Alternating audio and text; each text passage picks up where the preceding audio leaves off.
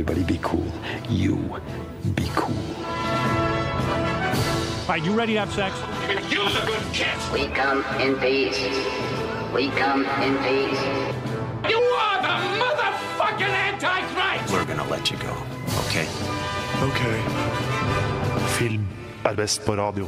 I'm gonna make him an offer he can't refuse. Nova Noir.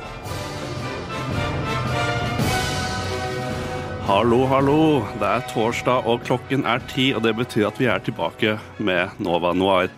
I dag har vi veldig mange godsaker, men jeg er ikke alene. I dag har jeg med meg Karin, Hallo. og så har jeg med meg så klart Ina, Hei, hei, eh, hei, som er eh, en fast eh, person som vi har her. Hva er jeg da? Du, du er, ja, du Vi snakker fast, ikke om det, Karin. Nei, Vi starter på kontoret etterpå. Men i dag så har vi mye gøy å prate om. Men først så vil jeg prate med dere om hva dere har sett siden sist. Det er en stund siden jeg har sett dere, så jeg er litt nysgjerrig. Ina, hva har du sett? Jeg har jo liksom, Vi hadde jo en uh, TIFF-spesial forrige uke, uh, så jeg er veldig ferdig. TIFF er out of my mind. Uh, kan ikke trenger tenke på de uh, da, ti filmene jeg så på de fire dagene. Men jeg så på en serie som heter Vi flytter Munch. Som er NRK-serien som handler om da de flyttet ja, er Munch-maleriene fra det gamle til det nye museet. Og det høres kanskje litt sånn tørt og litt sånn ah, spesielt interessert. Men det som er helt fantastisk med den serien, er at den er Det føles litt som en sånn slags The Office. Mockumentary-type eh, dokumentar. Fordi de som, liksom, de som blir intervjuet, er for det verste veldig nerd og veldig opptatt av sine ting, men de er også kjempedramatiske. og så er det filmet på en sånn kjempe sånn morsom måte. Med, sånn, det er jo bare sånn shaky kamera, og blant annet sånn flere scener hvor, som nesten ser sånn orkestrert ut. Hvor for eksempel hun ene som er eh, sånn kontakt for en av de kunstnerne som skal åpne sammen med Munch, hun er sånn 'Å nei, han har ikke svart på eh, telefonen min, skal ha et møte nå, det er veldig bra om han hadde ringt meg før det møtet'. Og så kutter de til sånn til møte hvor hun sitter og prater, og så blir hun ringt av han kunstneren. Og hun er bare sånn eh, 'Hello, Paul. Yes, I'm in a meeting right now.' Og hun bare 'Oh no.' Og så sitter hun dama ved siden av henne og er sånn 'Ikke nå, Kari. Ikke nå. Og det bare er skikkelig gøy og teit. Eh, og så ser du også hvordan de bare vipper de maleriene av veggen. Og det ser nesten ut som det er sånn helt tilfeldig at det har gått bra. Og de har klart å flytte helt sjukt mange malerier til det nye. Og det har egentlig bare bekreftet meg hvor unødvendig det har vært å lage et nytt Munch-museum. Ja. Men du, du sammenlignet med The Office. Ja. Er det like cringe? Ja, men det, det, er jo det, som- det er jo verre fordi det er ekte.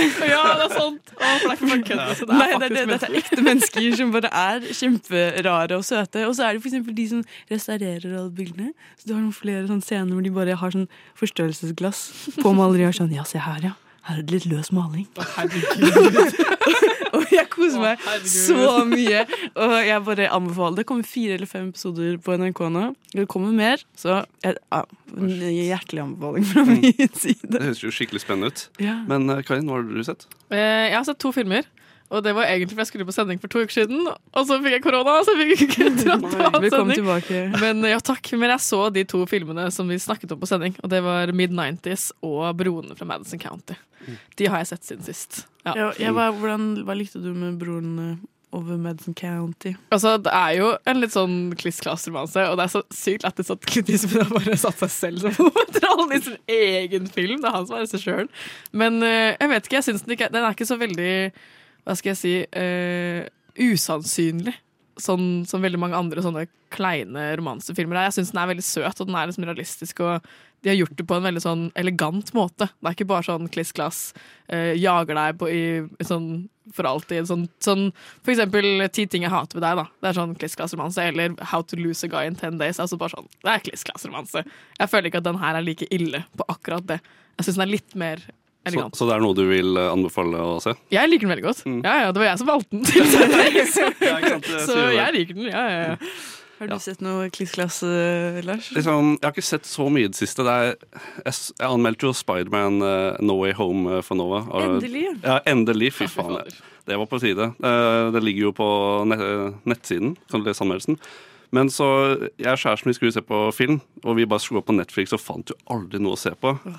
Men så fant vi eh, noe helt nydelig. Vi fant jo, vi fant jo Shrek 1. Jeg elsker Shrek så Og vi måtte så klart se med norsk dub. Ja, ja. Med, As med Asgeir. Og jeg skal ikke si så mye film på at alle her har jo sett Shrek, alle her er jo kulturerte. Men, men de hadde klart å sneke inn en fritt Det er fritt fram eh, så program med vaske, vaskebjørn, vafler. Det var fritt fram, ikke sant? Jeg tror det. De hadde klart å få en referanse i Shrek til ass. Han, han kalte seg Var det ridderen over alle riddere? Og jeg bare sånn, faen, jeg, liksom, Det er ikke så mye, men jeg er veldig glad for at det skjedde. Norge, ass. Mm. Men etterpå så skal vi begynne å prate om, prate om uh, filmnyheter. For det er jo sikkert noe som uh, skjer i uh, denne filmatmosfæren, vil jeg tro. Men før det så vil jeg gjerne høre på 'Jeg vil ha' av Baklengs Salto. Filmnyheter. Alt som vi lager nå, er remakes eller liksom samme historie om igjen. Om det har skjedd en stor skandale. Film. Film. Film. Film. Film. Film. Film, film, film, film, film, film, film, film, film, film, film. Til film, til film, til film, til film, filmnyheter. Veldig nytt til filmnyheter. Ja, og da er vi jo endelig klare for å prate om litt uh, nyheter. Det skjer jo ganske mye for tiden. Uh, Karin, du har vel noe uh, fascinerende du har funnet ut av? Ja, jeg har en litt, eh, litt artig nyhet. Eller artig, artig. Det er at regjeringen har eh, nå eh, gitt eh, norsk filmbransje 65 millioner kroner til stimulering av filmproduksjon. For, eh, for å si det mildt, så har filmbransjen blitt ramma litt av koronapandemien. Bare litt. Bare litt grann. Om- Eh, Ompø, ja, riktig. så for å da eh, bidra til litt bedre eh, filmproduksjon og litt eh, satsing da, nesten på norsk film, så har eh, kultur- og likestillingsminister Anette Trettebergstuen eh, bevilget 65 millioner kroner til filmbransjen. Det hjelper sikkert, det. Mm. Det håper jeg. Det er vel fortjent, i hvert fall. Men Ja, så lenge herregud. ikke alle de 65 går til en ny andre verdenskrig-film, så er ganske Eller en litt eh, for tidlig dokumentar om eh, visse emner som ikke skal lages dokumentar av. Hmm, Lurer på hva det kan være. Uh, ja, Gjerdrum kommune, watch out! Ja, men mark my words, de kommer til å lage noe om Gjerdrum snart. Ja, men det å bruke de 65 millioner kroner på det Det, Det høres veldig norsk ut. det høres er Men sant. hva vi vil ha Hva vil vi at de 65 kronene 65 kroner skal brukes på? Skal, skal jeg være eh, sånn naiv og håpefull, så vil jeg si Ja, at jeg ja, ja. hå- håper at de kan gi det til litt mindre produksjoner. Ja. Mindre og flere enn få og store. Nykommere. Nyko ja, Ja, tenk det. ja. Jeg vet det er veldig Det er radikalt. revolusjonerende å si. Ja, Ja. radikalt. Men eh, du som har litt erfaring med disse filmene, minifilmene, Lars. hvor- Ok, Hvor mye tror du man trenger for å lage en OK, eh, litt mindre stor film. Tenker du spillefilm? Ja, la oss si en ninjababy, liksom. Jesus Christ. Eh, liksom, økonomi er jo ikke mitt sterke felt her, men eh, du trenger i hvert fall noen eh, millioner, for å si det sånn. da. Okay. Men eh, det, er, det er 65 millioner, ikke sant? Så kan, herregud. Dette, jeg er jo egentlig ikke kvalifisert til å si dette her, Men du, men bare, du bare gjetter. 10-15 millioner per film, da. Okay, Eller, eller er det mye? Nei, det er Nei, nei. Du, jeg vet ikke. Jeg Men- vet ikke. Men la oss si, det. Jeg kommer sikkert, jeg vet Ok, fem millioner, da. Vi sier fem millioner. Fem millioner, ok, Men da har du fortsatt liksom Da har du ganske mange du- Ninja Babyer. Jeg må tenke 13 filmer er lange, da. Ja. får du 13 filmer på de 65 millioner kronene. Er det riktig? Ja, Jeg vil heller ha eh, 13 Ninja Babyer enn én eh, Andre verdenskrig. Ja. ja. En, En eh, Max Manus. Ja, ja, Ja, ja. ja. Ja, nei. Eh, Jeg vil bare for å ta fokus bort fra en veldig viktig og kul nyhet, så vil jeg bare nevne at eh, det ble nylig uh, uh, teaset at eh, vår alle favorittserie, Mamma Mia, ja. muligens skal få en treer. Det er Um, fordi i 2008 kom jo vår uh, Near and Dear uh, Mamma Mia 1. Uh, og så, ti år senere, 2018, kom eh, Mamma Mia 2, Here We Go Again. Oh. Som var, Vi skal ikke snakke om den, for den var helt forferdelig. Um, det er det verste jeg har sett, og jeg var så skuffet. Men i 2019 så sa selveste Bjørn fra ABBA at «Nei, jeg tror ikke det blir en treer. altså. Jeg tror ikke Det Det er for også fordi de har brukt opp alle låtene. Ja, for Du brukte vel flere av de samme i toeren også, som du nevnte? Ja. Jeg brukte sånn Super Trooper og eh, Mamma Mia og alle de bra Herre. låtene brukte de på nytt igjen i toeren, så jeg føler som det sier nok, da. Eh, men de fikk brukt Fernando med Cher, da, og det var godt. Men så kom eh, Judy Kramer, eh, som eh, er som co-creator for både da musikalen og de to filmene, og sa sånn at vi, jeg skulle egentlig begynne å jobbe med treeren, men så kom en viss pandemi Oi. og ødela litt for det. og Hun fikk korona og sånn, så det har vært litt vanskelig.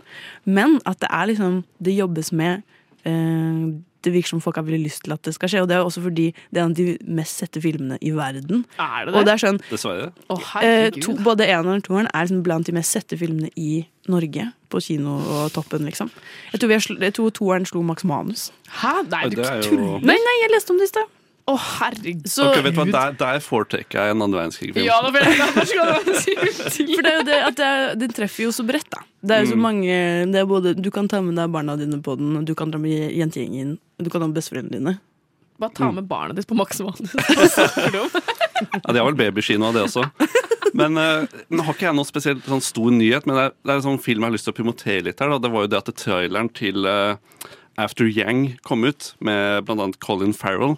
Eh, publisert av eh, A24, som har jo en del gode filmer under beltet. Hva er, eh, hva er After Det er det jeg skal komme til, vet du. Eh, Det er, det er en fremtidsfilm hvor du, sånn som jeg har skjønt det, det er jo litt sånn vag trailer, men sånn som jeg har skjønt det, så kan du kjøpe robotbarn for på en måte å ha en familie. Eller, ja, det, det høres helt det, Okay, nå, nå, Dette er sånn Jørgos Lantimos-shit. Jeg tenkte akkurat det samme. Men eh, så, så ser det ut som at eh, det ene barnet blir jo Det skjer noe feil med det, da. Og så skal de prøve å fikse, fikse det eller noe. Så tror jeg jeg har skjønt det. Det er en veldig, ser veldig spasa ut. Men jeg synes konseptet er så intriguing. Det, det, det tar liksom litt sånn Blade Runner-stil. Liksom, hva det betyr å være menneske. eh, som jeg, er kanskje en av mine favorittemaer. da, liksom akkurat det. Så jeg tenker at det er veldig spennende. Og så er jo A24 er jo veldig, har jo som sagt mange gode filmer de publiserer, og har troen på interessante konsepter. da. Og det er kjempespennende tematikk også, som jeg føler jeg som ikke har Eller vi, det er Blade Runner som egentlig er de eneste som har håndtert den robot. Hva er forskjellen på robot og menneske? Mm. Uh, men jeg leste en veldig bra bok, uh, 'Clara and the Sun', som liksom tar over det tar litt det samme tematikken om dette sånn, hva er det som skal til for å gjøre eh, en robot eh, menneskelig, og hvor er det sånn sjelen, er det tankesettet, er det eh, reaksjonsmønstre? Det er kjempespennende. Eh, det høres jo, og han er jo eh, Colin Farrell, Mm. er jo kjempeflink. Han er jo en av mine favorittskuespillere nå. Han tar veldig mange interessante prosjekter. Men eh, jeg tenker nå at vi skal gå videre. Men eh, f før vi gjør det, så skal vi høre 'Retrograde' av Cosmodome. Du lytter til Nova Når. Og da folkens, har vi endelig kommet til å faktisk prate om temaet. Vi har pratet om veldig mye annet, men vi har ikke pratet om temaet vi egentlig skal prate om i dag. Og det lurer kanskje på hva er temaet, folkens? Men det er animasjon. Og hva animasjon, hvordan det kan treffe forskjellige målgrupper. Da, for voksne, for barn eller for familie. liksom Hele spekteret der. Eh, og vi skal jo prate om eh, Eric and the Witch. Vi skal prate om eh, Fantastic Mr. Fox. Og så skal vi til slutt prate om flukt. Og jeg tenker at det bare advarer her at vi kommer til å mest sannsynlig prate om litt spoiler for eh, alle de tre filmene. Så vennligst se filmene. Ja, Hvis du nyter å bli overrasket, da, så ville jeg anbefalt deg å se filmene før du hører på resten av denne samtalen her.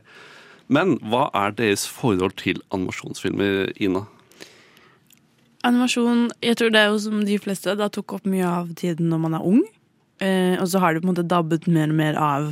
Eh, fordi, sånn som vi skal snakke om senere, at jeg føler ikke at det er så mye animasjon som er rettet mot voksne. Eller det er jo sikkert det, det er bare at jeg ikke leter like hardt. Det er ikke I den mainstream-atmosfæren, så er det ikke så mye animasjon rettet mot voksne. Uh, og det har bare Man blir jo kanskje da mer opptatt av det realistiske. Men jeg er jo veldig glad i animasjon. Uh, og så er det jo kanskje noe med det at jeg føler at animasjon er annerledes i dag enn det var når jeg var liten. Altså sånn De Disney-filmene eller Pixar-filmene jeg så, var mye mer sånn tegneserieaktig. Altså Jeg tenker alltid veldig ofte på Kugjengen, for eksempel. som er en av mine veldig favorittfilmer fra da jeg var liten. Som er veldig sånn uh, uh, surrealistisk, tullete tegna. Uh, mens i dag så føler jeg at animasjonsfilmer jobber veldig hardt mot å se ekte ut. Mm. Sånn som eh, Brave eller Encanto, eller sånn alle de filmene som eh, kommer ut de siste årene, prøver liksom å Du kan se sånn hårstråene på hodet. Og det er dritfett. Veldig imponerende. Men det er ikke så Jeg føler I mitt, mitt hode er det ikke like lekent lenger, da. Nei. Jeg husker når Brave kom ut, så det, en- eller, ja, Brave, det eneste de pratet om, var hårfysikken. Hår, ja, det var sånn, og det bounsa i oh, ja, det er så realistisk. Men uh, Karin, hva tenker du om uh, animasjonsfilmer? Jeg, jeg har litt samme forhold til det sånn som Ina, med at jeg så veldig mye på det som barn, uh, og har veldig forhold til det fra oppveksten. Og så dabbet det litt av i tenårene, men så begynte jeg å oppsøke det litt eh, nå for et par år siden.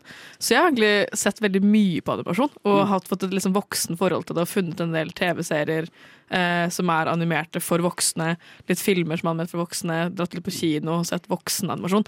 Eh, det hørtes utrolig seksuelt ut å si voksenanimasjon, men det var ikke det jeg mente.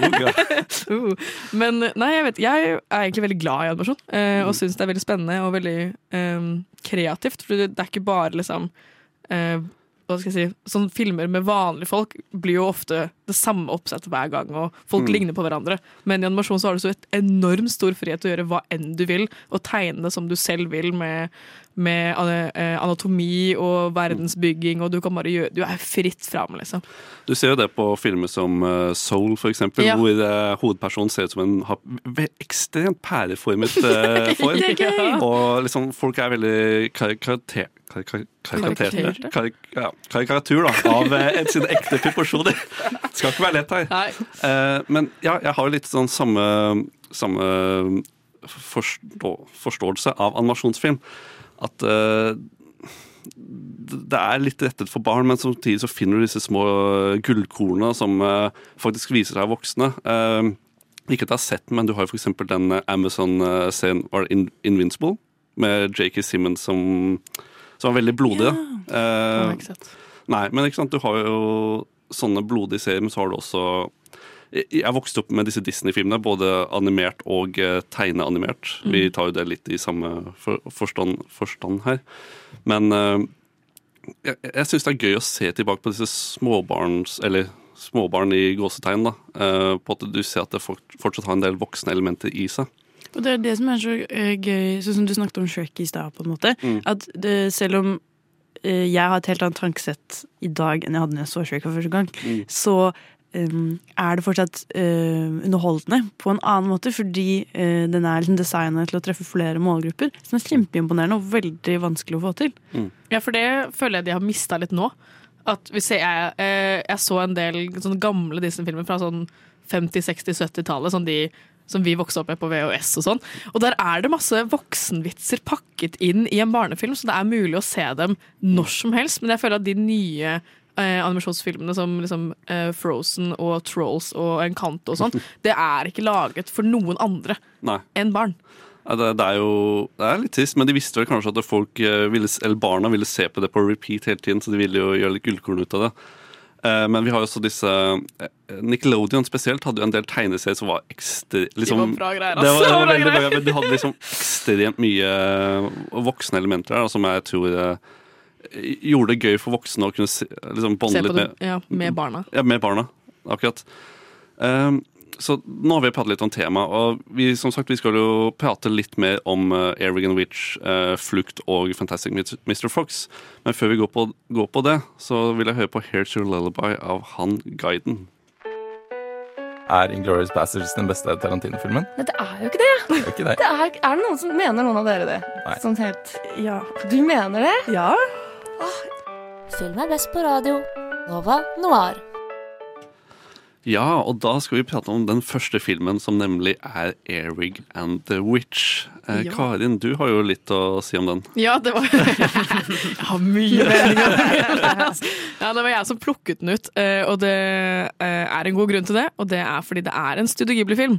Eh, Men det er, den er ikke laget av um, um, denne Miyazaki, eh, denne store Studio Ghibli-guden. Det er sønnen hans som har laget den. Det er ikke han vi tenker på når vi tenker på Studio Ghibli. Eh, og det eh, fører jo til litt eh, problemer som vi skal snakke om litt senere. Men eh, denne filmen eh, ble gitt ut i 2020. Den skulle egentlig blitt vist på eh, Cannes filmfestival. Eh, men pga. en viss eh, pandemi så ble den ikke det. Kanskje litt andre grunner òg, eller? Ja, ja, nei, det, var, det kan være. Men okay. den eh, handler om Aya, eh, som blir forlatt på en, eh, en eh, trapp på et barnehjem av moren sin. Og så får hun bare beskjed om at 'jeg plukker deg opp om et par år'. Og så blir hun bare forlatt på dette barnehjemmet alene. Og så vokser hun opp da alene her og har veldig kontroll over liksom, omgivelsene sine, og hun er sjef, og hun vet det. Og så blir hun adoptert av en skikkelig sur dame og en skikkelig illsint mann. Og så blir hun plassert da hos disse, og disse menneskene er da tilfeldigvis hekser. Og så må hun da klare seg et nytt miljø alene eh, i eh, da et usikkert hjem med disse heksene som hun prøver å ta kontroll over. Um, og forskjellen da med denne her og de andre Studio Ghibli-filmene er at den er fullstendig 3D-animert. Den er ikke tegna som noen av de gamle filmene. Den er helt nyskapende. Eh, og problemet er jo at han sønnen eh, han, eh, Det var faren som pitcha det, og så var det sønnen som tok over ansvaret. Og så var det ingen som hjalp ham med det, så han bare animerte hele tiden sjæl. Ja. 私の名前はベラ・ヤーガ魔女だよおじさんって小説家なのそうだマンドレイクだよあんた喋るんだ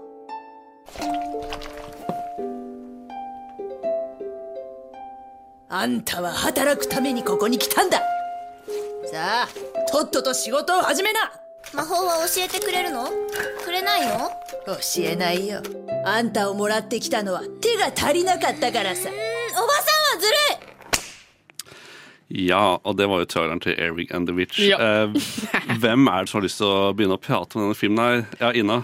Men kan du si det at denne filmen ligger opp den sånn starter med et uh, veldig uh, åpenbart narrativ. Uh, det er jo da hun blir plassert på et barnehjem av en rødhåret, også tydeligvis også litt magisk kvinne. Og da sitter du på en måte og venter på at her, dette frøet, frøet har blitt planta, og du forventer at på et eller annet tidspunkt skal det spire. Men filmen Det skjer aldri. Det er, det er som om de glemte å vanne dette Ja. frøet. De bare glemte det og gikk videre. Fordi det fortsetter bare med at ja, hun er på barnehjemmet, og så blir hun adoptert av denne heksa. Og så bor hun der og skal prøve å lære seg magi sjæl. Og så blir egentlig det resten av historien. At, at hun prøver å, at Airwig da prøver å finne ut av eh, hvordan det er å bli heks. Eh, samtidig som en underliggende sånn oh, det, Fordi det eneste som vi vet Hun blir jo på den um, engelske versjonen så blir hun kalt for Erica. Eh, fordi hun, eh, um, hun som eier barnehjemmet, syns at Eric er et veldig fucka navn. Mm. Så hun er sånn Nei, nei, hun heter Erica Weeg, eh, heter hun. Som blir kalt for Erica. Så hun kjenner ikke igjen når det er, for eksempel hun finner en plate hjemme hos eh, heksa. Eh, eller Baba. Hva heter hun? Heter hun Baba? Hun heter eh, Yaga, i hvert fall. Det Ja. heter. Ja. Eh, Baba men det er jo et spill på Baba Yaga. Yeah. Uh, hva er- Bella Yaga heter Bella hun. Yaga Bella heter hun, ja. Uh, hjemme hos Bella Yaga. Uh, som det står sånn Airwig på. Og vi er sånn OK, Det er hei, det! hei, hei. Det er det du egentlig heter. Hun er bare sånn Dette er en rå låt. Eh, um, så jeg følte egentlig det var litt kult i starten. At sånn, okay, her planter de flere sånn ledtråder som vi sitter og vet mer enn hun gjør. Men så fortsetter den bare uten at den egentlig blir plukket opp ordentlig. Og det er jo et av de mange problemene med denne filmen. Det er jo et kroneksempel på liksom, en film som ikke har noen retning. Det er jo, den, som du sier, den setter jo opp så mange forskjellige ting. Det setter opp han der eh, Custard, som han heter. Han Ja! gutten med sånn pipestemme. Du setter opp Airwig, du setter opp moren, du setter opp Det er så mye Det bandet, ikke sant. Det setter opp så mye, men det går ingen steder. Um, og det er jo det er litt uh, trist, egentlig, med tanke på at uh, det var jo faren, uh, han Hayao Miyazako, Hayao, ja. eh, som pitchet at eh, min sønn, du skal lage denne filmen her. og så kommer sønnen OK, jeg skal gjøre den i 3D, og der eh, gikk det gærent, eh, for det første. Ja, jeg syns jo også den eh, Jeg er jo veldig vant til Studio Ghibli sin eh, originale stil. Mm. og det har jeg snakket om uh, tidligere i Nova Noir, at jeg er veldig glad i den type uh, animasjon. Og så så jeg traileren på det her, og så var jeg sånn Å, herregud, nei! Og så så jeg den, og så jeg var ikke imponert, ass. Jeg var, jeg, det bare, altså, så det, ja, det er sånn, storyen er også dårlig, animasjonen er bare dårlig. Jeg bare, ja. Animasjonen er veldig sånn eh, Jeg får, Hvis noen husker Mikkes klubbhus eh, så litt, liksom, Alt ser veldig sånn plastikk ut. Men i tillegg til det, greit nok at det ser ikke så imponerende ut, men jeg synes også jeg ble veldig skuffa over eh, måten stemmene samspilles med animasjonen. Fordi hadde kanskje jeg, Først ble jeg veldig frustrert fordi jeg prøvde å se den på Netflix. Du klarte å se den med japansk Den er, ja, jeg så den også på Netflix jeg fikk ikke lov til det. Så jeg, jeg fikk bare, først så jeg den bare på, eh, med engelsk lyd, og, og der ser du for det første så eh, synker jo ikke eh, stemmene med, med hva, hvordan munnen beveger seg. Men så så jeg den jo, da fikk jeg til slutt sett den på japansk, og likevel så følte jeg det veldig stivt. Det er veldig lite innlevelse. Jeg føler ikke at de um, ja, får det til helt. Og hvert sånn, med den engelske også syns jeg det var rart, fordi der har de satsa litt. Med sånn Casey Musgraves, er det en som synger uh, Det er sånn, en sånn uh, låt som går igjen. Don't så, disturb it. Ja, yeah. uh, og den er det Casey Musgraves som synger, og det er eh, Richard Grant spiller, er stemmen til demonen. Mandrake? Ja, Mandrake. Ja. Så det, er sånn, det virker som de har prøvd å liksom, gjøre den litt stjernespekka, men ikke helt fått det til. Ja, jeg, jeg, noe jeg også tenkte på med eh, animasjonen, er at de har ikke de har ikke tenkt på bakgrunnen. Det er ingenting i bakgrunnen som beveger seg, som blader i trær, eh, blomster, fugler. Alt er sånn helt statisk rundt eh, karakterene. Så mens de prater og er sånn typisk sånn japansk animerte, så er alt annet bare helt stivt, og det ser så dødt ut. Og jeg føler meg sånn bare malplassert i en sånn, sånn søvnparalyseverden. Så jeg vet ikke. Det er, det er litt brutalt, ass. Men den, den, den henger seg ekstremt mye på Ghibli-navnet. Du kan jo se hint av Ghibli-stil i den, med disse små demonene Ja. som sitter i termen med sånn paraply. Og de, de er sånn søte. De er liksom, du kan forestille deg det tegnet i typisk Ghibli-stil. Det, det er mye hint av det, men jeg føler at den, den har jo blitt eh, det, det er jo to, todelt program der for det første storyen er uferdig. Eh, Boken, Det ble bare én bok, og forfatteren døde når det egentlig skulle være flere bøker. Og så er det så klart at eh, 3D fungerer ikke, spesielt når de har disse typiske eh, skal jeg si, anime-fjesene, som man kan kalle det. Så det oversetter ikke så godt til, eh, til 3D, syns jeg. Man får jo noen forventninger. Ja, på en måte. det er akkurat det man gjør. Den er jo på en måte plassert i Den skal være plassert i England. Og det jeg syns er veldig gøy, er at den henger seg veldig opp i Shepherd's Pie. Ja! det er kjemperart, fordi det er sånn, den filmen begynner med at når hun heksa eh, etterlater henne eh, på barnehjemmet, så er det sånn du, det er så fint solskinn i disse vinduene, men også den beste Shepherd's Pie i verden. Og så hopper de sånn lenger frem i tid, og hun er var da Hun er sånn ti år gammel, og hun er sånn Det er den beste Shepherd's Pie i verden. Ikke noe barn har det sagt det! Eh, Men det henger seg opp kjempelenge. Og når hun kommer inn til eh, han demonen, han er også veldig opptatt Eller Mandrake, han er også veldig opptatt av sånn typisk sånn britisk mat. Ja, dere vel henter sånn fish and chips med de demonene Ja! sine. Og bare sånn, jeg vil ha fish fra det stedet der, og så får hun den Shepherd's Pine etter hvert. Det er bare veldig sånn Jeg synes, Med tanke på at Ghibli-filmene er jo veldig opptatt av mat. Mm. Og det er den derre eh, er for eksempel aramen, og det er bare så utrolig ser så digg ut. Og så har du denne plastikk. Shepherd's Pie uh, Ja, kladden som bare ser så sykt lite appetittlig ut. Det er ikke delikat i det hele tatt. Eh, Men eh, vi skal fortsette å prate om eh, Airwig and the Witch. Men før det så skal vi høre 'Jævlig' av Klossmajor. In a world that's powered by violence. In a world without gas. In a world where owning a radio was strictly forbidden.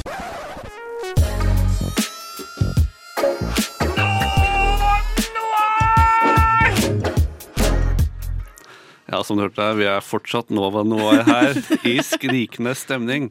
Og vi skal skrike litt mer om Eriganovic. Det er mye følelser her. Og jeg, jeg tenker at uh, vi, vi kan prate litt mer om det temaet vi skulle prate om. Da, er liksom hvordan dette passer til med hvordan treffe målgrupper. Jeg satte jo denne filmen her først i, i uh, hva vi skal prate om, av at jeg tenker at den, uh, det er jo den som satser lavest i aldersgrupper her. Mm. Den, vi, måte, øh, vi skal prøve å kartlegge måte hva som skiller eh, animasjon med retten mot barn, animasjon retten mot voksne og også familie. Og eh, det som er med eh, det Eric Witch prøver på, da, er jo eksempel at eh, det skal være eh, veldig absurd. Eh, fordi barn liker jo altså sånn, Det jeg liker med, eller savner selv da, fra å være ung, er at uh, du trenger ikke så mye sammenheng på ting. Eh, ting kan bare skje, og du kan være sånn wow, det er, er det beste jeg har sett. Um, og så prøver jo, føler jeg, at uh, denne filmen forsøker å være veldig moderne. Nettopp det er derfor de velger å gå bort fra um, Det er jo egentlig ganske kult at et så stort og egentlig sånn sjangersikkert um, film, sånn selskap som Studio Ghibli prøver noe helt nytt. eh, og bruker 3D-animasjon. De er kjent for tegnestilen sin, men likevel bare utfordrer den. Og det er vel imponerende, prøve å ikke falle ut av tiden. Men det den gjør, er jo bare å miste all eh, form for kvalitet i samme sleng. Jeg føler det bare hengt seg på den trenden som er for tiden med å bare gjøre noe nytt. Vi skal prøve noe nytt. Det skal være så mye så fancy, moderne, og, og så bare blir det en skikkelig ordentlig flopp. Mm. Så den har jeg, tror den har, jeg tror ikke den har over fem stjerner på IMDb engang. Den er bare Jeg skulle rate den på Letterbox etter jeg så nå. og den er jo bare to stjerner og mindre. Jeg ga den en og en halv. Ja, en og en halv, ja. Jeg var litt snill og ga den to, men eh, Fordi det uh, som eh, er, har vært så fint med Ghibli-filmene i min oppvekst, det er at jeg har sett de i uh, hvert fall sånn uh, Minna Totoro og uh, Ponyo har jeg sett ja, ubeskrivelig mange ganger. Og mamma og pappa har vært med på å se ganske mange av de gangene. Og det er fordi de kan finne ting ved ved disse filmene som, som vi snakket om i stad, at det er elementer for eh, voksne der også. Det kan man jo si da, at kanskje fordi Eric ikke satser på å være en familiefilm, så er det noe annerledes. Men jeg føler igjen at denne filmen ikke klarer å ta barn på alvor, som eh, en god barnefilm burde. Nei, det, er akkurat det jeg er helt enig i på at den eh, Airwig er akkurat den samme Eller Aya er jo akkurat den samme personen hun er fra starten av og på slutten. Hun er en uh, brat, som man kan si, som har alle rundt lillefingeren, som hun selv sier. Og filmen ender jo med at hun har disse to uh, uh, heksene rundt lillefingeren og får akkurat det hun har lyst på. Eh, så det er jo det at hun har ikke noe karakterutvikling. Og at det er jo i tillegg et litt dårlig sånn buds dårlig budskap da, å gi til barn, at de kan bare være drittsekker og øh, smiske med folk og sånt. Det var noe som irriterte meg egentlig veldig med Aya som karakter. At hun blir presentert som en drittsekk, og så slutter filmen med at hun er en drittsekk. Mm. Og det er sånn, jeg, Hun er vel 10-11 eller noe sånt i filmen, og så tenker jeg jo eh, Ja, man er jo litt drittsekk som barn. Det er helt greit. Det kan man være. Men eh, hun har jo ikke hatt det så lett, men hun kan jo vokse som menneske likevel. På en måte. Hun trenger jo ikke å liksom gå i samme sporet hver gang og bare behandle alle som under seg. For Nei. det provoserer meg veldig at hun bor jo bare der for å få noe ut av det selv, ikke for å vokse som person eller noe som helst.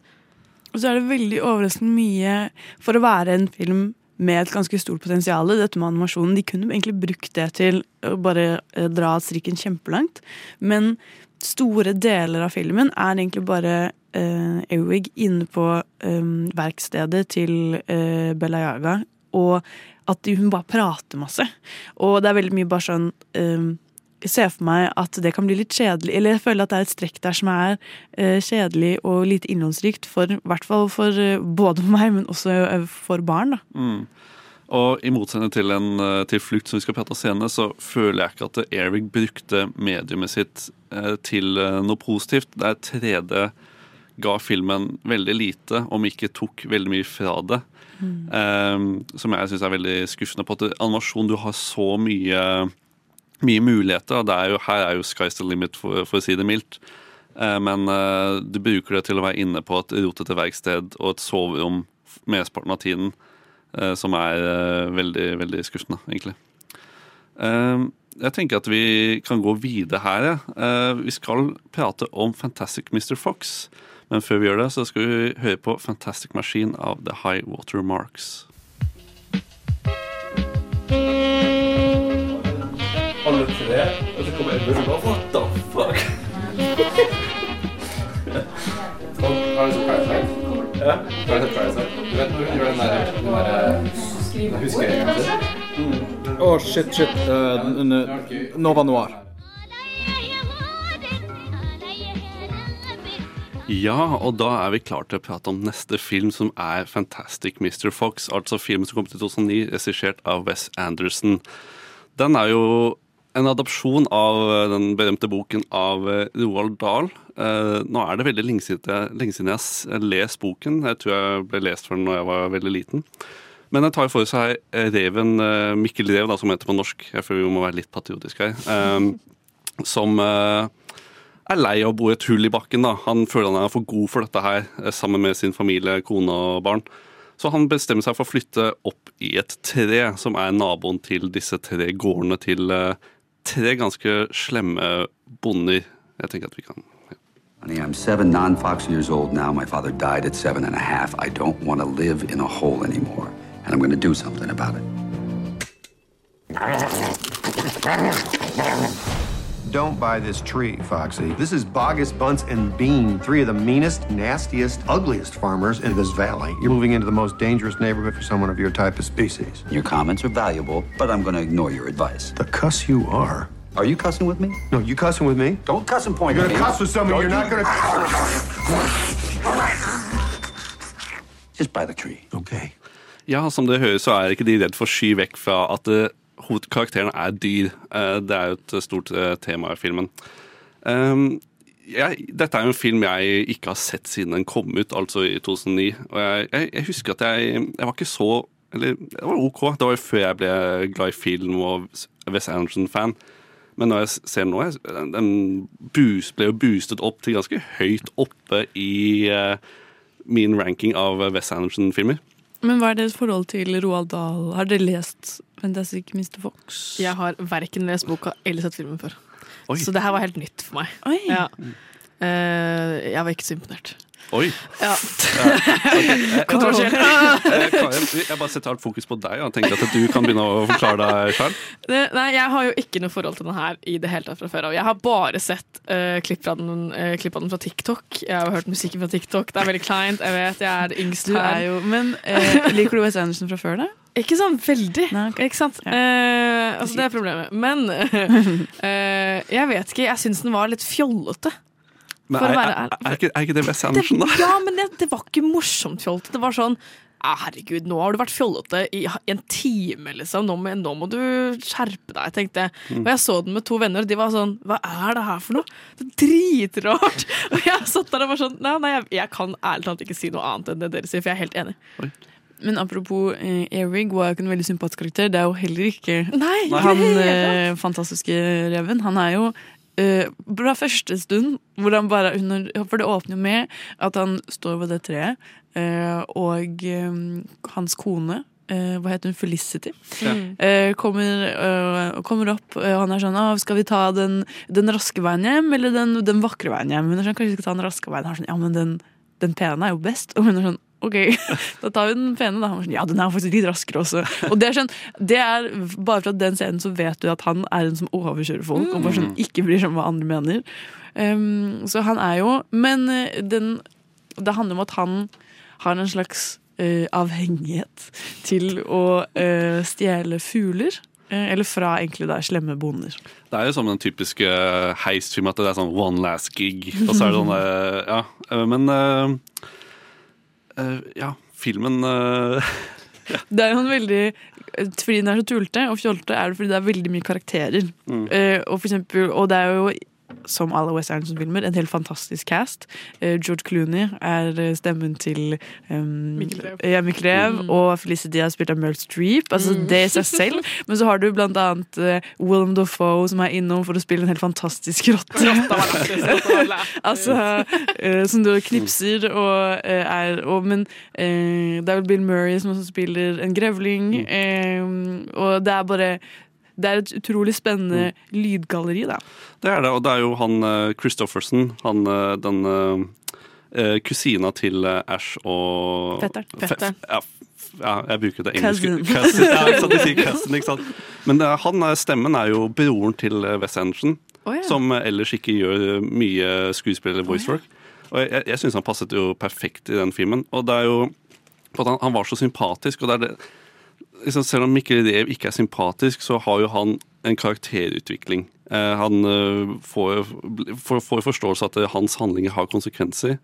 Og så er det jo så klart at det, dette er jo en film hvor det er, både, det er både barnehistorie hvor barna kan relatere, men også en voksenhistorie med forholdene mellom Felicity og Mr. Fox. Ja, for det er jo veldig mange lag her. Det er jo på en måte uh, Ja da, fantasy Fantastic Mr. Fox sin uh, historie om at han liksom går tilbake til det han sa han aldri skulle gjøre, og det er jo hvordan kona reagerer på det. Hun føler at han har forrådt henne. Men så er det også da sønnen, Ash. Eh, som aldri sånn, får den anerkjennelsen fra faren sin. Han er sånn 'I wanna be an athlete', eh, selv om han åpenbart er en weird kid. eller som de gjør uh, ryster, eller sånn, eh, Gir litt jazz hands og sier 'different'.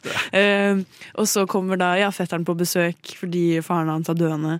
eh, og øh, faren digger jo han, syns han er dritflink fordi han bare er perfekt.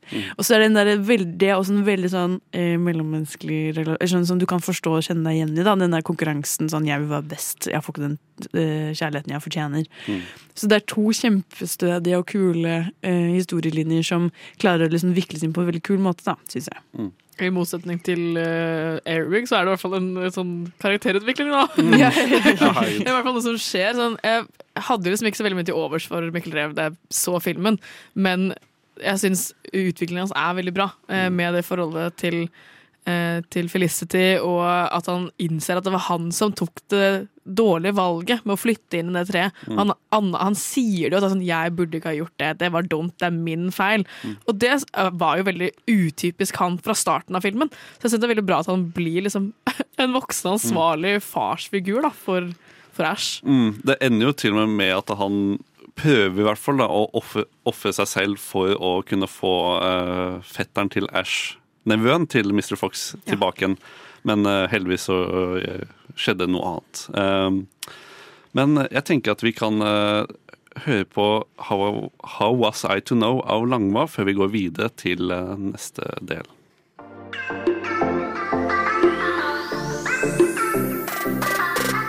Du lytter til Nova Noir her på Radio Nova. Ja, og da fortsetter vi med, vår fantastiske prat om Fantastic Mr. Fox. Ja, den var, den var litt, den var litt uh, feil.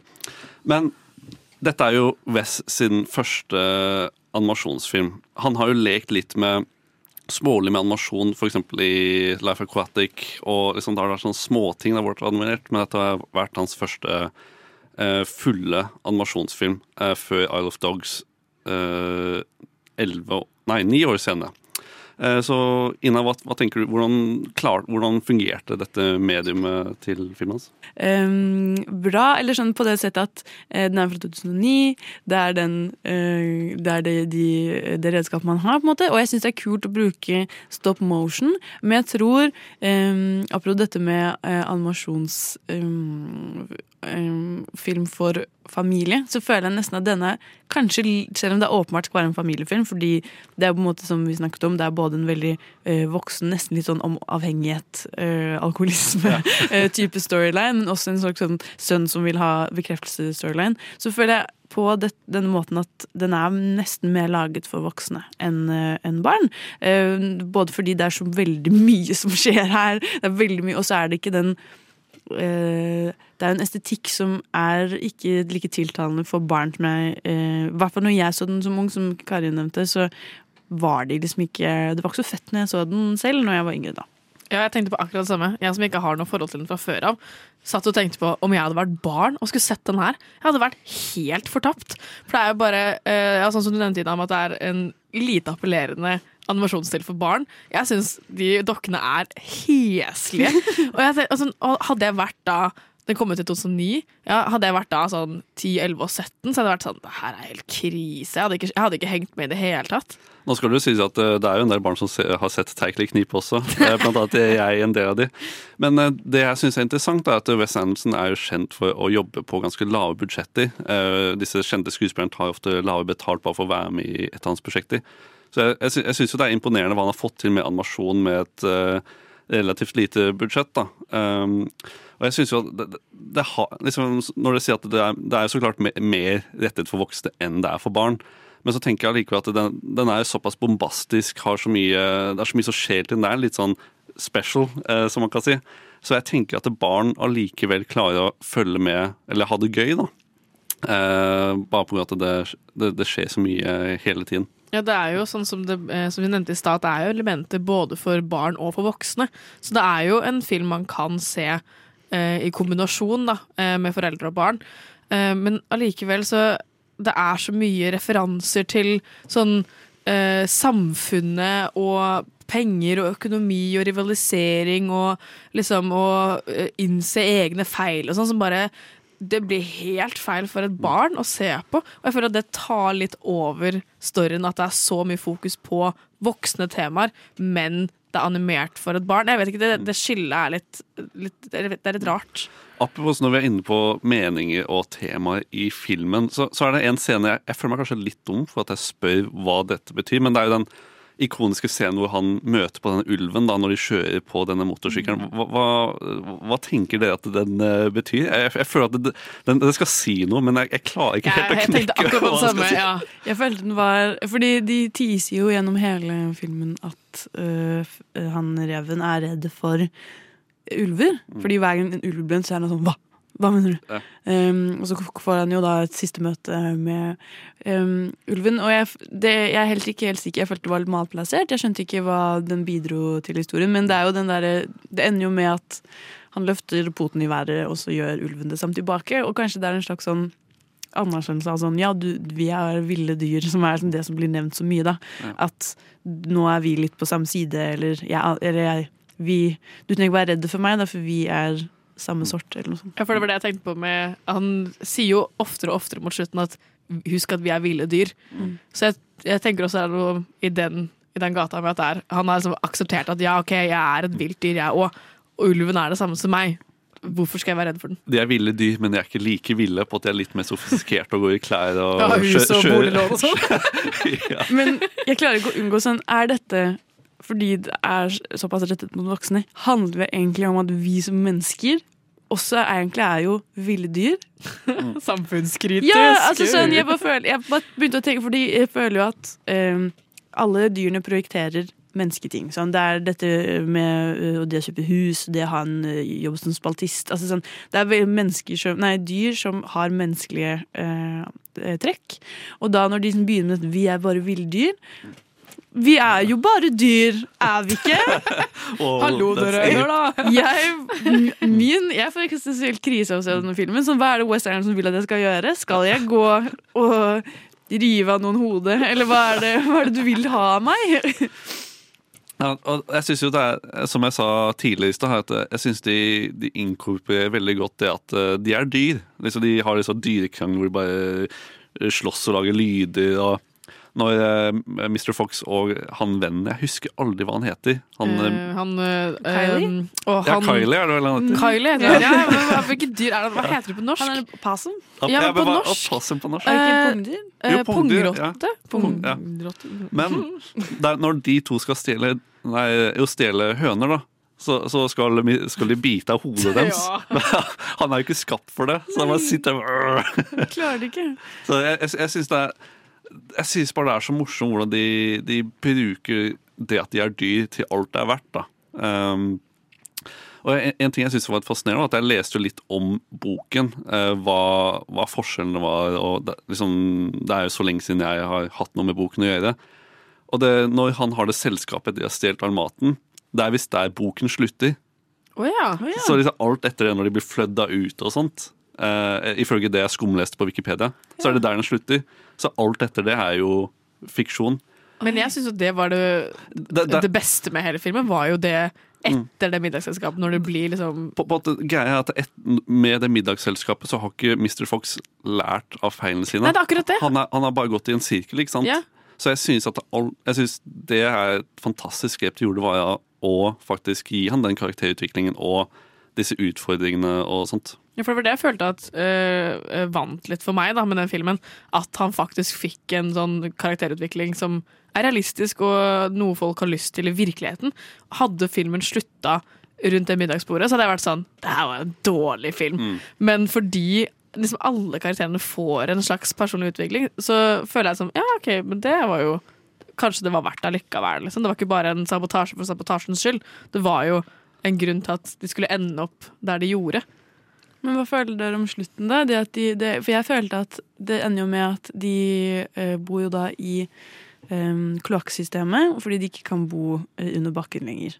Eller i hvert fall i Ja. Eh, og så finner de da et rør som leder til et supermarked. Eller en eh, stor matbutikk. Og da er det jo egentlig samme greie på nytt igjen, for den eies også av uh, Trippel B-brødrene. Mm, Eh, og eh, de begynner å stjele mat derfra. Så jeg ble litt sånn OK, men hva var det egentlig vi lærte her, da? Jeg synes det er interessant på at det, er- det, både, det er både negativt og positivt. På at de negativt, de bor ikke i naturen lenger, de bor i kloakksystemet. Men positivt er at de har jo uendelig tilgang til mat, da, så lenge ikke de blir skjer en crackdown med at det stenger kloakken eller et eller annet sånt. da. Men eh, jeg tenker at vi kan gå videre. At eh, nå, nå skal Lucas faktisk komme inn og anmelde eh, Nightmare Alley. Men før vi gjør det, så skal vi høre What's the Use av fruit? Og nå er vi drøye! Og så er det sånn, men dere er jo egentlig ikke det. Nova Noir. Ja, og da har vi kommet til neste del, og da har vi faktisk Lukas på besøk. Du har jo kommet hit for å prate litt om å anmelde Nightmare Alley. Yes, det stemmer. Eh, ja, jeg så den her for eh, en eller to uker siden cirka. Eh, en film av Guillermo del Toro. Eh, og filmen foregår i 1939, eh, hvor vi følger en eh, karakter som heter Stanton Carlisle. som har fått seg jobb som en carny, som heter karnevalarbeider. som er en veldig am- ambisiøs og sjarmerende karakter, da. Og for å komme seg til toppen, så må han ta en del risikoer og manipulere folk. I will ask you simple questions. You will answer in short sentences only what you believe to be absolute truth. Absolute truth. I can do that. Now, brief as you can, what is your name? Stanton Carlisle. Are you a true medium? Yes, I am. Mr. Carla. Doctor, how about that? Please lay down. Can you read minds? Yes, I can. Under the right circumstances. Ja, så der hørte vi traileren. eh, soundtracket er utrolig kult, det vil jeg bare starte med. Men også er det eh, en veldig stor cast også, med masse store navn. Jeg måtte skrive liste siden det er så mange. Men de største er Bradley Cooper, Kane eh, Blanchett, Tony Collette, Willem Dafoe, Richard eh, Jenkins osv. Mm. Um, men um, ja, så vi starter med at uh, Stanton, eller som han blir kalt i filmen Stan, uh, starter som en ganske fattig arbeider og er ute etter jobb. Uh, og så um, får han jobb hos en som heter Clem, som er spilt av Willem Dafoe. Um, og uh, og så hele filmen handler om et karneval, da. Um, Uh, og der blir Stan eksponert for liksom masse interessante mennesker osv. Og, så videre, og uh, blir um, introdusert til um, en spåkone uh, som på en måte lærer ham hvordan man liksom faker det å være synsk. Um, og hvordan hele greia er en scam. og så handler det litt om hvordan han misbruker det etter hvert da, og blir litt for stor. og With great power comes great responsibility. Men når jeg ser traileren, så jeg får inntrykk av at det er en thriller. Jeg har hørt at det er en horror, og Ja. liksom, den- ser veldig interessant ut. Hva, hva, hva vil du si sjangeren er? Um, det er det, det Jeg vil nok kalle det for en neonoir eh, Nei, psykologisk thriller. Mm. Uh, og det er det som også står eh, på nettet også, og det er jeg ganske enig med. Um, og den er, ganske, den er jo veldig stressende, men eh, en ting jeg var ganske misfornøyd med, er at hele filmen er veldig predictable. Det er frampek om og om igjen. Og så tenker man sånn OK, jeg håper ikke at det her kommer til å skje. Og så er det akkurat det som eh, skjer. Um, og så karakterutviklingen til um, Stanton, som spilles av Bradley Cooper, er um, man blir, Eller jeg ble veldig skuffet på slutten. Uh, det viser at han var en veldig lite sånn dynamisk karakter og var ganske flat til slutt. Mm. Um, men uh, ja, jeg må passe meg litt for spoilers, bare. men uh, ja. Men, men er det en film du vil anbefale? På at Den forrige filmen til Del Toro var jo uh, 'Shape of Water', som var jo veldig anerkjent. Mm. Um, jo, altså, jeg vil jo anbefale å se den. Uh, det var utrolig kul estetikk. Um, det var noe av det jeg likte best med filmen. Uh, og han er jo ganske kjent for liksom scenografi og så videre. Um, så der ble jeg ganske amazed. Um, ja. Ja, hvordan føler du at estetikken um, måler seg med Shape of Water eller andre tidligere filmer han har laget? Jeg har ikke sett Shape of Water, men jeg har sett Hellboy, og det er ganske lenge siden. Uh, men uh, det virker som at den her er noe helt annet. Og han har liksom gått i en ganske ny retning, virker det som. Men det er en veldig sånn Det har en veldig Han er jo veldig glad i horror, og, eller litt innom den sjangeren hvor ting er creepy og sånt, og man får veldig den følelsen i den filmen her. Eh, og alt foregår på en karneval på 1930, eh, 1939. eh, hvor ting er litt sånn ødelagt, litt dårlig. Men samtidig så er liksom mye av den gamle estetikken så ekstremt kul. Så mm.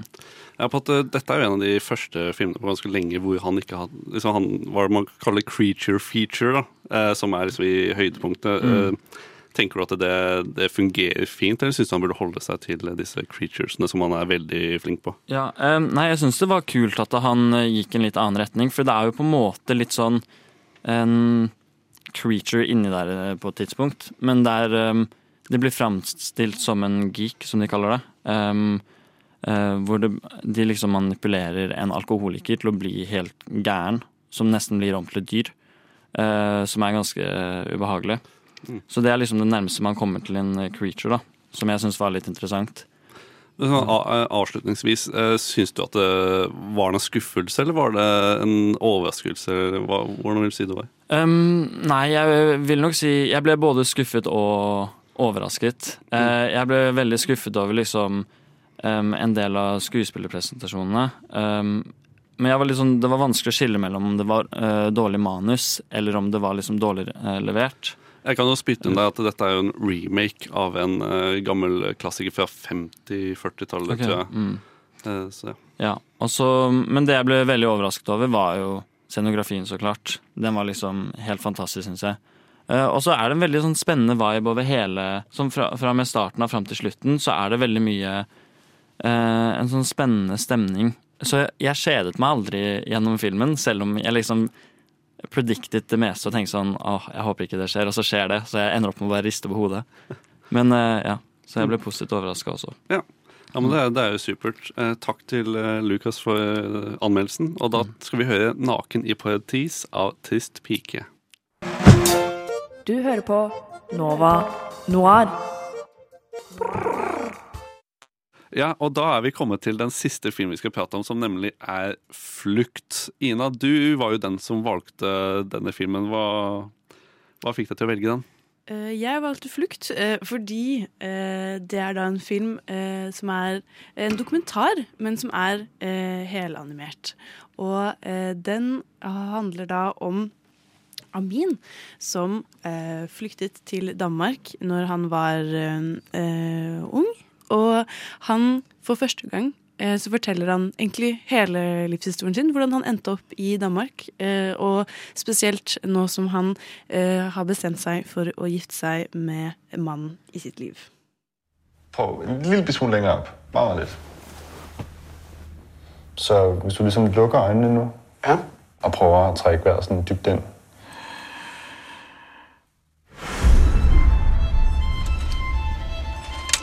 Hvad betyder ordet hjem for dig? Hjem er noget, som er trygt. Kaboul, les attaques des Moudjahidines repris.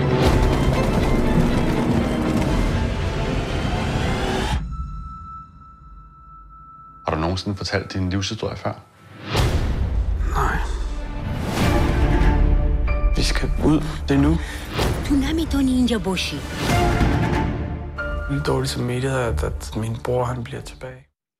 Og for en film. Er, man vet jo nesten ikke hvor man skal starte når vi først begynner å prate om uh, flukt, altså. Um, ja, Ina, hva, hva fikk deg egentlig til å velge denne filmen? Jeg har jo egentlig bare hørt uh, lovord om den uh, siden den kom. Jeg husker at første gang jeg hørte om den, var i forbindelse med Kosmorama i Trondheim i fjor. hvor jeg holdt på å se den digitalt, når Kosmorama hadde digitalt program. Og det som er så flott med den filmen her, er at den overrasker deg hele tiden.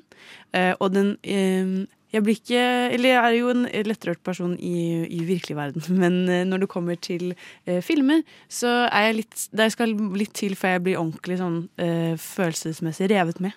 Og denne filmen liksom grep ordentlig tak i meg når jeg så den. Og det er blant annet fordi den begynner jo med at du har, det du har dokumentarskaperen som kjenner Amin fra før, og er endelig sånn, ah, jeg er så glad for at du har lyst til å fortelle meg denne historien.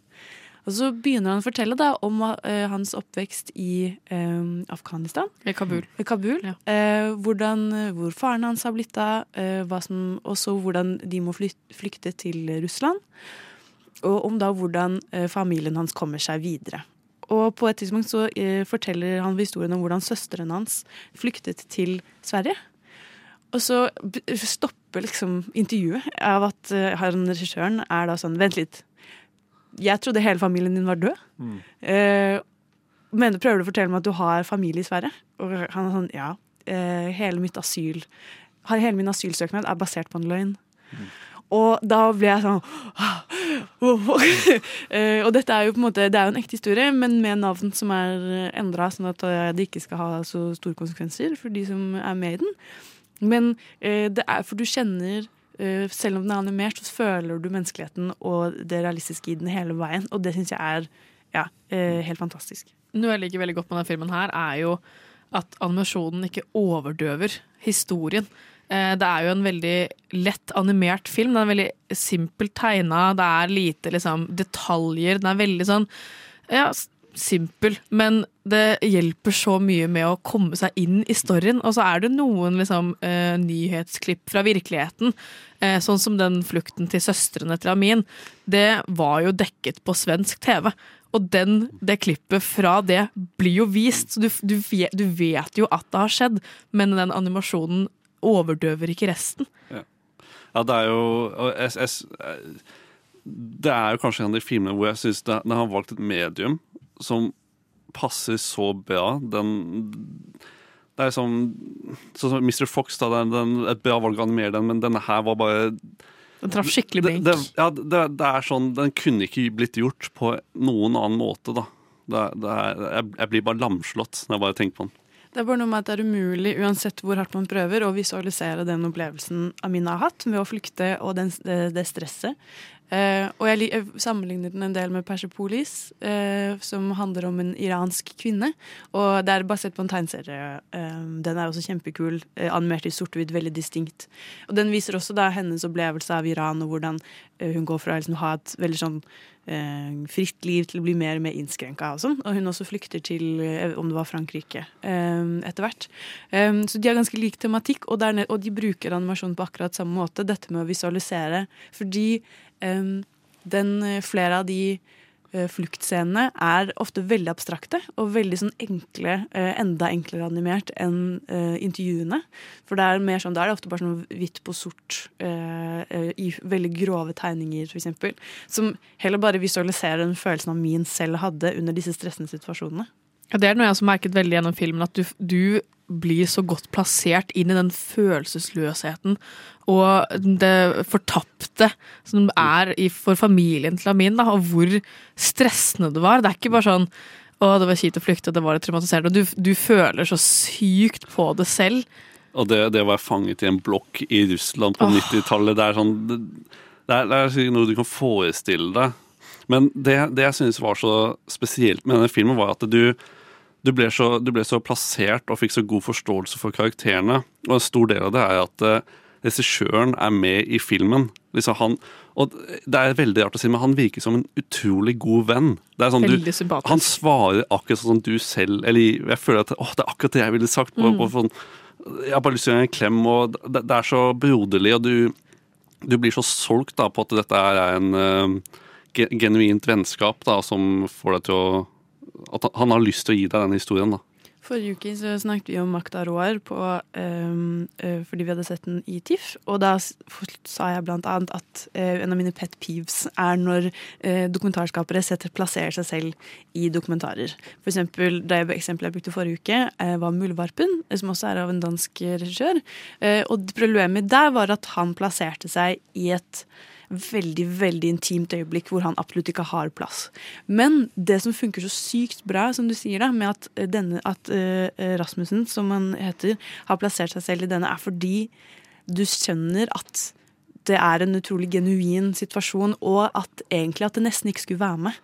Fordi uh, du ser jo at de har liksom orkestrert flere av scenene ved at måten han, når, han liksom, når Amin blir intervjuet, så ligger han på dette, persk, ne, eh, dette teppet. Og, men så plutselig så kutter de bort fra det av at eh, når de liksom bryter intervjuet, eh, når Amin sier at han ikke vil mer, eller forteller dette om søstrene sine.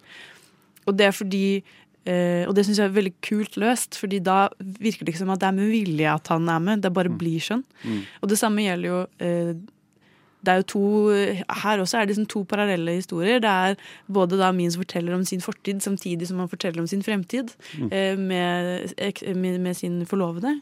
Og blant annet en utrolig fin scene hvor, eh, som også ikke er planlagt, hvor Amin kommer hjem til, eh, til regissøren fordi han har krangla med, med mannen sin.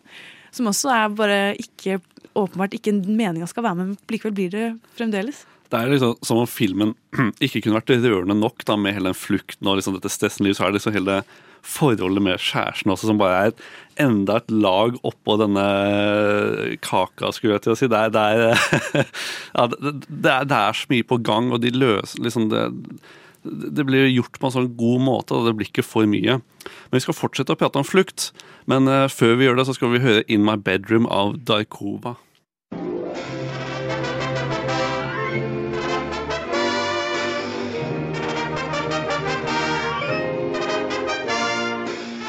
Du lytter til Nova Noir hver torsdag 10-12 eller på podkast når du vil.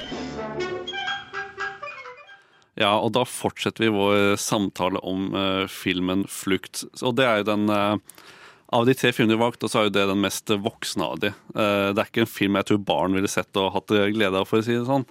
Eh, og det jeg gjerne vil tenke på, er, eller prate om, sånn som vi nevnte litt i stad, er liksom hvordan en bruker mediumet sitt, da, som animert film, til å gjøre filmen bra. Sånn som vi, vi fikk en litt sånn hint av det mens filmen foregikk, men så siste scene så viser det seg at det, de har filmet alle scenene, men det er bare animert over. Så, så blir sånn der, Ja, det, det- det blir sånn punch in the gut. Det traff meg skikkelig. Ja. Og, og det er sånn du ser så vidt hodet til eh, Amin og Kasper eh, når de går ned buskene der, som er sånn veldig sterk de, på måte, Selv om du vet det er ekte stemme, ekte, så er det animert, og du liksom får en liten detachment fra de. Men når du ser liksom, du ser, å, der var de! Der, der, du ser at de er ekte mennesker, bare bitte litt. ikke sant? Ja. Det er så sterkt. For de sier det på starten at dette her er en sann historie. Ja. Og så er man sånn Oi, ja ja. Og så blir du litt fjernet fra det i animasjonen og sånn. Og når du da får se de, du, for det er en, de er tegnet over det landskapet, og så fader det inn til faktisk video fra det stedet med de, så er jeg sånn det har jo skjedd! Det er jo ekte mennesker! Han har gått gjennom alle disse traumene på ekte, liksom. Men det liker jeg skikkelig godt med den også, at eh, ofte når de forklarer liksom Når søstrene flykter, så forklarer han den absurde situasjonen av at sånn, ja, de blir låst inni en bunk Ja, sånn container. container, og så er de på en båt, og det er helt sjukt. Og så er det sånn, ok, og så viser de faktisk bilder fra Sånn nyhetssendinga som er bare sånn Dette skjedde, og det er så så mange 60 flyktninger var inni denne. Og jeg blir helt sånn wow. Og det samme skjer når de snakker om eh, krigen i, i Kabul. Mm. Og em, som du sier da på slutten, at den er utrolig flink på å liksom dra deg inn og så vise deg sånn Det her er ekte. Ikke tvil. Og uh, klipp fra Russland, hvordan det var der på det tidspunktet. Sånn at du aldri liksom glemmer at du Det her er skjedd. virkelig ting, da. Og apropos den eh, Russland-situasjonen, de viser jo dette klippet når den første McDonald'sen i Moskva ja, åpner. Mm. Og så ser du alle disse folk i kostyme og hat, uh, flagg i hattene. Og så kommer vi til den animerte delen, og du kan se han fyren med flagg i hatten i bakgrunnen i den animerte delen, som om de var der, da, bare offscreen fra virkelighetens kamera. Og det, det er jo akkurat samme scene. Jeg tror jeg bare må nevne den. At det er den scenen hvor de blir uh, anholdt av politiet da, mens de ser på den uh, Åh. Det er Hvor de vitner, eller sånn, opplever at de slipper unna Ja. fordi en kvinne Ja. eh, blir, Ja. skal bli misbrukt. Ja. Det er helt forferdelig. Det var helt vondt å se og, på. og, du, og du, du, du Han sier at han føler seg skip kjip for at han ikke gjorde noe. Mm. Og det er Det er veldig eh, menneskelig. Det er veldig menneskelig på at det, det er ofte sånn situasjon som sier folk, å, hvorfor gjorde du ikke noe sånt, men når du, de setter deg så godt i den situasjonen at du shit, ja, Det er ikke alltid man kan gjøre noe i sånne situasjoner. Du får ikke gjort så mye annet. Nei, det er akkurat det. Og det, det er så kraftig gjort, da. Men at man er så desperat at man må liksom på en måte eh, prioritere seg selv. Og han sier jo det, han tenker på han hele tiden. eh, fortsatt i dag. Men det, det er jo det at grunnen til at dette ikke igjen da ikke er for barn eller for familie eller noe, at den tar jo opp så utrolig mange av disse temaene som jeg hadde flydd over hodene til barn, sånn med uh, at han er homofil. Mm. Uh, og det er så mange innevnt i en lag uh, her om hva som står på spill. og hva man er villig til å ofre. Og et, den er man skjønner kjempegodt hvorfor den er valgt å bli animert. Mm. det er et utrolig eh, kult og bra valg, uh, syns jeg. Og jeg synes det er et interessant eller sånn, han, han er jo homofil, men jeg, jeg føler at det ofte kan bli brukt som et sånn kjipt virkemiddel. At eh, å ja, han eh, homofile flyktningen liksom får ekstra sympati der, da. Men jeg syns at de, de tok opp den saken ganske fint. Det ble ikke sånn der sånn å synes synd på han bare på at han er ikke sant? De, de, de klarte å fortelle den historien på en fin måte. Han, liksom, han er jo ikke sant? Han er menneske, ikke sant? Det er akkurat det. Ja, det, er sånn, det, det er ikke det som definerer han. Han, er, han ja, ok, han er homofil, og sånn er det bare. Eh, men jeg syns også de tar opp eh, den indre konflikten han hadde da, med å forsone seg med det. For det er også en eh, viktig del av eh, dokumentaren, at han er jo fra Afghanistan.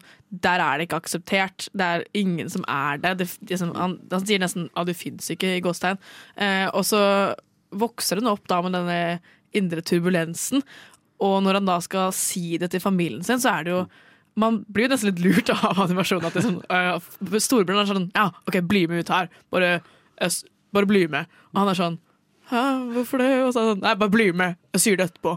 Og så tenker man jo å herregud, nå aksepterer ikke det han for som han er, og å nei, så synd, og, og så blir han bare tatt med til en sånn, en sånn, en sånn uh, skeiv bar. Så sånn, Får litt lommepenger av broren sin, Det var sånn, det er kos deg. Og jeg var bare sånn, det, det bare, jeg vet ikke, det hjalp så mye. Sånn, ja, han er det, men det er ikke det som definerer han, men det er så bra at de satte sånn, da. Og jeg, jeg tenker at det, det med broren er også ganske sånn vi, vi tenker ikke så mye over de som får de hit også. Vi Mm. tenker bare på reisen hans, men det er liksom hva broren hans satt på spill, hvor mye penger han måtte spare og bruke da, for å få familien Nå ble ikke det til Sverige der han bodde, men de ble spredt utover Europa, som det står på slutten. Amin endte så klart opp i Danmark og, og sånt. da. Og eh, han mistet jo, altså Broren mistet jo forloveden sin fordi han ikke kunne prioritere eh, henne over Mm. sin egen familie. Mm. Eh, så det, jeg føler at den, den som, Og eh, de som er menneskesmuglere også. Du får et innblikk i veldig mange forskjellige måter. Det er jo mange forsøk der, da. Eh, og man ser jo på en måte også den siden av, eh, av saken også. At det er jo veldig mange Du tenker at ja, det er én flyktning, på en måte, men det er et, system, et så stort system av både sånn politiet i Russland som utnytter flyktningene, eh, familiene spredt over hele verden, hva de er villige til å gjøre for å finne hverandre, og ja, alle de forskjellige flyktningene de møter på veien, de som bærer bestemoren på det teppet fordi Mm. og, og, Kan ikke forlate henne der og skyte henne, liksom. Ja. Det kan man jo ikke. Eh, Så den, den er en, samtidig som alt handler om Amin, så er det en veldig sånn helhetlig et inntrykk av den tilværelsen da, og den situasjonen de har stått i. De går jo veldig inn på liksom hvor mye man må ofre bare for å finne fred, som vi her uh, tar litt for gitt. Jeg følte meg så forferdelig privilegert når jeg så den filmen her. Og jeg var sånn, Ja, jeg har jo tenkt på det, men jeg, aldri blitt, liksom, jeg, jeg ble slått i trynet av den filmen her. Over hvor lite jeg egentlig vet om sånt, og hvor, eh, ikke, ja, hvor lett jeg har hatt det da i Gåstein, men hvor tungt det må være, og hvor lite vi egentlig gir eh, asylsøkere dybde. Det er jo, de, de har mista familien sin, de er spredt overalt, de er alene, de har forlatt alt de kjenner og har til. De må lære seg nye språk gang på gang på gang. De må bli smugla for å komme seg hit. Hvor, hvor tungt tror du ikke det er for dem, liksom? Jeg syns det er ork å fly til et land, eller mellomlande et land, for å komme meg til feriestedet mitt. Ja, Eh, en annen date, liksom. Så, så jeg, jeg klarer ikke helt å forestille meg deres tur, da. Og for meg så er jo dette her selv om jeg elsker Mr. Fox, så er dette definitivt kanskje den filmen som har satt mest inntrykk, Ja, og en jeg kommer til å tenke på i lang tid videre. Men uh, vi skal også videre, faktisk. Men før vi gjør det, så skal vi høre 'Speed of Flight' av Die West. Du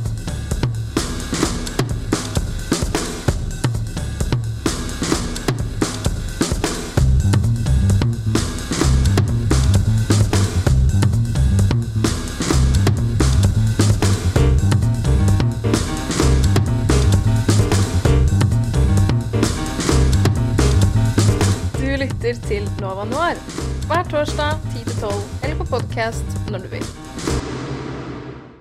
Ja, og da er vi kommet til veis ende, hvis jeg kan si det på den måten. Uh, vi har jo pratet om uh, to gode filmer. Uh, og en eh, ikke, ikke så god film. Eh, kontroversielt å si, det ikke det. jeg vet det det er hot take, men Jeg ville ikke anbefalt uh, Airwig and Witch med det første. Nei. Men uh, jeg tenker, hva, hva syns du av sendingen? Har, vi- har vi fått noen gode filmer og lært noe mer om uh, hvordan animasjon kan treffe de forskjellige målgruppene? Eh, flukt for eh, Oscar-nominasjon 2022 eh, er det jeg heier på, da. Det er vel eh, shortlist, er den ikke det? det? Jeg vil jo tro det. Men når, Dette er et veldig dårlig spørsmål siden vi ikke har forberedt oss, men når er det nominasjonene blir annonsert? Eh, det er jo i løpet av februar en gang, Ja. men eh, shortlisten har jo allerede skjedd. Mm, og der er jo Eh, blant annet verdensmenneske mm. ja, så ja. Ja, det Tilbake til spørsmålet ditt. er altså. For å, for å ja. uh, nei, jeg føler jeg har lært litt om uh, hvor eh, bredt man kan bruke animasjon. Hvor stort feltet egentlig er, og hvor lite det egentlig er i fokus. Eh, det er jo enorme muligheter til å gjøre egentlig hva du vil. Eh, og det er så mange virkemidler som forsterkes når man bruker animasjon, som man ikke tenker over på, til vanlig. Så jeg føler at eh, eh, 2022 er året for animasjon. Jeg legger også- også merke til at eh, rart nok, hvor jo eldre jeg blir, jo mer eh, opptatt blir jeg av filmer rettet mot barn. Fordi jeg ser eh, da hvor eh, Eller setter pris på de filmene jeg har sett selv som barn, og hvor mye de har forma meg. Men også da hvor lite som legges inn i de filmene som gis til barn i dag. Eh, og jeg tenker ikke fordi jeg tenker på mine potensielle egne barn, men sånn de andre som skal vokse opp og til slutt bli filminteressert en dag, så er det utrolig kjipt å vokse opp rundt masseproduserte, generiske, lite innholdsrike uh, barnefilmer. Og da er det jo kjipt å ha filmer som Eric and the Witch, som hadde potensialet, og har ressursene egentlig, men likevel bare blir sånn Blir Ja. ingenting. Og det er jo et generelt uh, filmspørsmål jeg syns er veldig spennende. At når La oss si om 50 år eller 100 år, så kommer vi fortsatt til å vise disse gamle filmene vi har nå. Da kommer Våre barn kommer vel til å vokse opp med 'Løvenes konge' og de filmene. Flåklypa Grand Prix. Ja, ja! Flåklypa kommer ikke til å dø. Det er sånn at Jeg ville jo prate om Flåklypa i dag. Ja, jeg men, eh, ja, det er jo en superior til eh, Fantastic Mr. Fox, hvis Ja, vi først skal snakke om den type stopp. det er Norges beste Mm. film. Ja. Uh, Norges beste soundtrack. Ja, fy faen. Altså, hallo. Det det er på Spotify, just saying. Ja.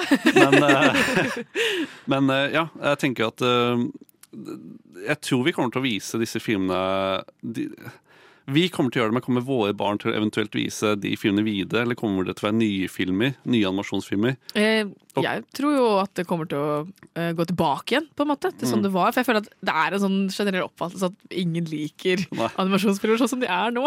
Nei, og det, jeg tror det er litt sånn som musikk, at liksom old school liksom det går, og klesmote og sånt, at det liksom går litt i bølger. da, Mm. Hvor eh, vi har jo liksom oss, eh, hva man kaller cinephiles, som bare Å nei, jeg skal bare se fransk nybølge. Ja, det- Eh, ikke sant? Filmboys. Ja. Uh, uh. det men ja. Eh, Jeg, jeg, jeg, syns animasjon har, som du sier, det har så bredt spekter. Det kan treffe deg på de minst forventede måtene. Og når du porsjonerer det ut, da, så jeg syns Flukt er et prima eksempel på hvordan man kan eh, gjøre animasjon som er litt utenfor boksen. Når du liksom får disse virkelighetsgreiene som er illustrert, og så går tilbake til virkeligheten. Eh, Det, det viser at animasjon, animasjon ikke kommer til å dø med det første, da, og at det, det har potensial for fremtiden. Jeg føler at det er mye sånn uh, u, eh, si, ufunnet potensiale. Det er jo så lett å blande sjangre, lage nye sjangre, gjøre litt her, gjøre litt der, eh, som jeg føler at man mister litt med eh, hva, hva, hva er det motsatt animasjon? da? Ja, sånn film med vanlige skuespillere. Du, du har liksom, du har, det er begrenset av mennesker og våre egenskaper og uh, ansiktsuttrykk og sånn, men i animasjon så har du så potensial til å dra den langt, gjøre det mindre, blande sjangre. Du, du har så mye du kan gjøre. Det, det er akkurat det. Og det er, hvis jeg skal være litt sånn filmsnobb, da, så kan du se at eh, liksom, eller illustrasjon da, generelt har jo påvirket uh, film ganske lenge. Hvis du ser på, tilbake på tysk ekspresjonisme, hvis jeg skal være den, ty den, den fyren. Bare for å Så- Ok, ok. Ja, ja, vi, vi, vi går der. Men uh, liksom, så ser du liksom, alle disse bakgrunnene er illustrert, og liksom, du ser at de er så De er ikke ekte. Og det er liksom, du ser at det, det påvirker eh, moderne filmer også, sånn som Wes Anderson er jo nesten illustrert og tatt rett ut fra en bok. Uh, og liksom, jeg, jeg tror bare at vi må Jeg tror eh, animasjon fortsatt er i en fase da, hvor de prøver å finne ut hva, hva som fungerer. Jeg tror vi er i masseproduksjonsfasen nå. Og jeg ser for meg at uh, 3D-animasjon har kom, Jeg tror 2D, sånn tegning, kommer til å gjøre comeback.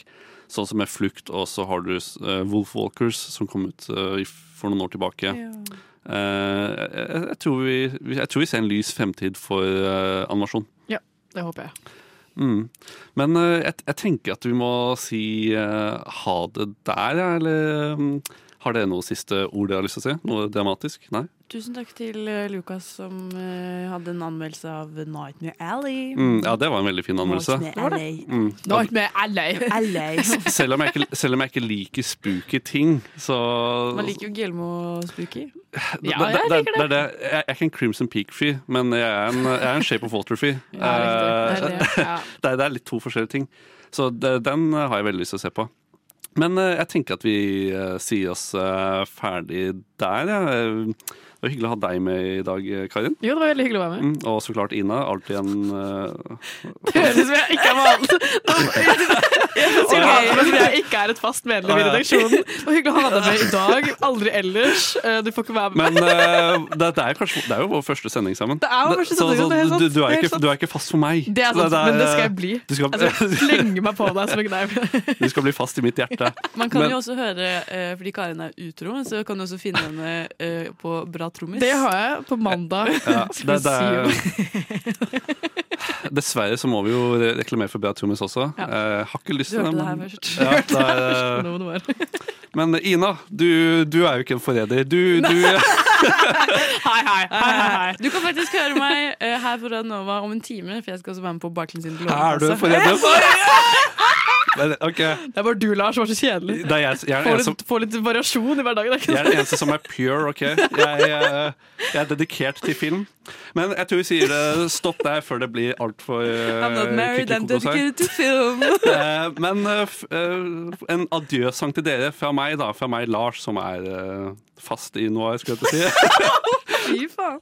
Så skal vi spille Spleiselag slash Waldorf-salat av Tønes.